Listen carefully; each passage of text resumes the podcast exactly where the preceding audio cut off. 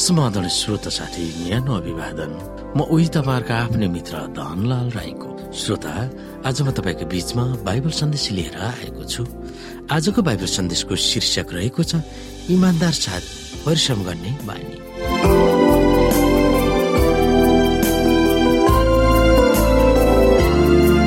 श्रोता सफल जीवनको अन्तिम पक्ष भनेको सुरुका वर्षहरूमा बुद्धिमानीपूर्वक निर्णयहरू गरेर काममा खट्न सक्यो भने त्यसले मानिसलाई अत्यन्तै रमाइलो बनाउन सक्दछ।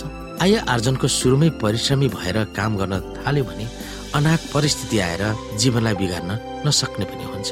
आदर्श परिवार भनेको यो हो जब बालबालिकाहरूलाई हुर्काउँदै आत्मनिर्भर वयस्कहरू बनाउँछन् घरको ऋण तिरिसकेको हुन्छ यातायातको खर्च बेहोर्न सकेको हुन्छ अरू ऋणहरूबाट मुक्त भएको र घरका ज्येष्ठ परिवारलाई स्याहार्न पर्याप्त खर्च जम्मा भएको हुन्छ। मर्यादापूर्वक उच्च स्तरको काम गरोस् र जीवन सुखमय होस् भनेर परमेश्वरले आफ्ना जनहरूलाई आह्वान गर्नुहुन्छ। कुन स्तरमा हामी हुनुपर्छ? भन्दा परमेश्वरको विधि वा दश आज्ञाको स्तर जुन हाम्रो हृदयमा कोरिएको हुन्छ र हाम्रा मिजाज चरित्र र स्वभावले त्यस स्तरलाई प्रतिबिम्बित गरोस्। दिनदिनै सामाजिक परिस्थितिहरू बिग्रिरहेका छन् र इसाई शिक्षा दिशालाई पर पार्दै सार्दैछन्। तर परिस्थितिमा यसु भक्त निर्दोष जीवन बिताएर काम गर्ने बानी झन महत्वपूर्ण हुन सक्छ। बाइबलले भन्दछ धेरै धन सम्पत्ति भन्दा असल नाउँ रोज्नु वाञ्छनीय हुन्छ वा सम्मानित हुनु चाँदी वा सुन भन्दा पनि उत्तम हो भनेर हितोपदेशको पुस्तकले हामीलाई भन्दछ। परमेश्वरमा विश्वास गर्ने कामदारहरूले गर्दा आशिष पाएको काम दिनेहरूले महसुस गरेको घटनाहरू बाइबलमा उल्लेख गरेका छन्। जब याकुब आफ्नो मामा ससुरा लावनलाई छोडेर आफ्नो बाबुको घरमा फर्किने चाहना गरेका थिए तब लावनले आफूलाई नछोड्न याकुबसँग आग्रह गरेका थिए। उनले भने म माथि तिम्रो निगाह भए बस। पूर्व लक्षणद्वारा मलाई थाहा भएको छ कि परमप्रभुले तिम्रो खातिर मलाई आशिष दिनु भएको छ। उत्पत्ति तीस अध्याय। जब युसुफलाई मिश्र देशमा दास भएर बेचिनु परेको थियो तब उनको मालिक पोतिफरले युसुफको काममा परमेश्वरले आशिष दिएको महसुस गरेका थिए। र उनले युसुफलाई त्यसै अनुसार मर्यादित काममा खटाइदिएका थिए। हामी यहाँनिर उत्पत्ति उन्चालिस अध्यायको दुईदेखि पाँचलाई हेर्न सक्छौ। युसुफले खास के गरेका थिए जसले गर्दा उनको मालिकले उनीमाथि निगाह देखाएका थिए भनेर भनेको छ। श्रोत साथी हामी यहाँ उत्पत्ति उन्चालिस अध्यायको दुईदेखि पाँचलाई हेर्न सक्छौ। युसुफले खास के गरेका थिए जसले गर्दा उनको मालिक उनीमाथि निगाह देखाएका थिए भनेर भनेको त छैन। तैपनि युसुफको क्रियाकलापले उनको चरित्रको बारेमा के देखाउँदछ त? हामी यहाँ एक पनि हेर्न सक्छौँ।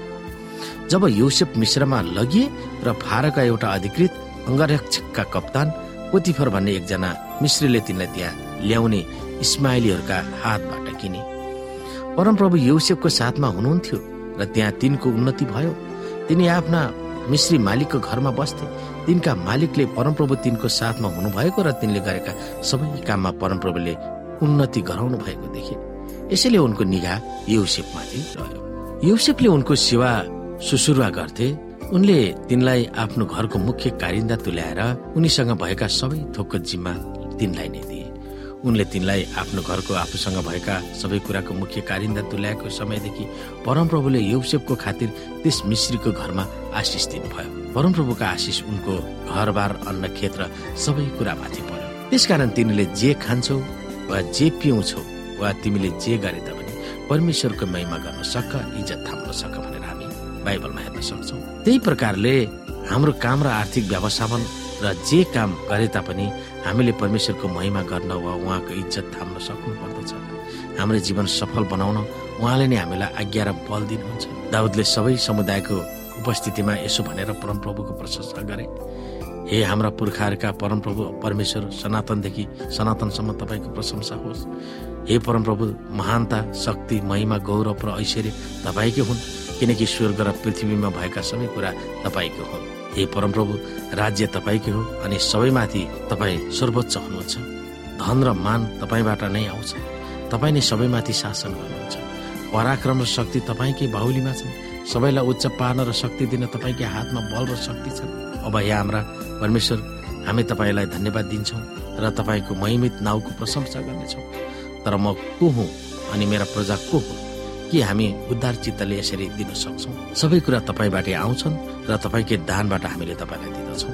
हामी त तपाईँकै सृष्टिमा विदेशी र प्रवासीहरू हौ जस्ता पुर्खाहरू थिए। हाम्रा दिन यस पृथ्वीमा छाया जस्ता मात्र छन् र हाम्रा निम्ति आशा छैन। ए परमप्रभु हाम्रा परमेश्वर तपाईँको पवित्र नाउँका सम्मानको निम्ति भवन बनाउन हामीले जम्मा गरेका यी सबै धन तपाईँलाई तपाईँबाट नै आउँछन्। र यी सबै तपाईँकै हुन्। अन्तमा श्रोता तपाईँ काममा मात्र होइन जीवनमा नै के नीतिहरू अवलम्बन गरिरहनु भएको छ? के तिनीहरूमा केही परिवर्तन तपाईँले पाउनु भएको छ महसुस गर्नुभएको छ?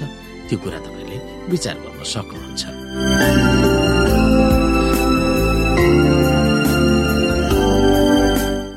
श्रोता साथी आजको लागि बाइबल सन्देश यति नै। हस्त नमस्ते। जय मसिंह।